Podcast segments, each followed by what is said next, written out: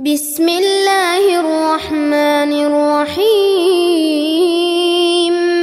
والتين والزيتون وطور سينين. وهذا البلد الأمين. لقد خلقنا الإنسان في أحسن تقويم.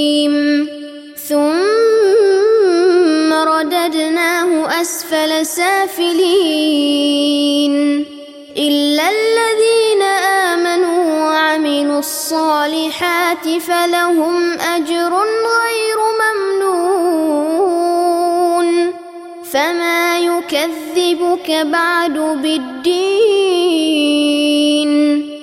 أليس الله بأحكم الحاكمين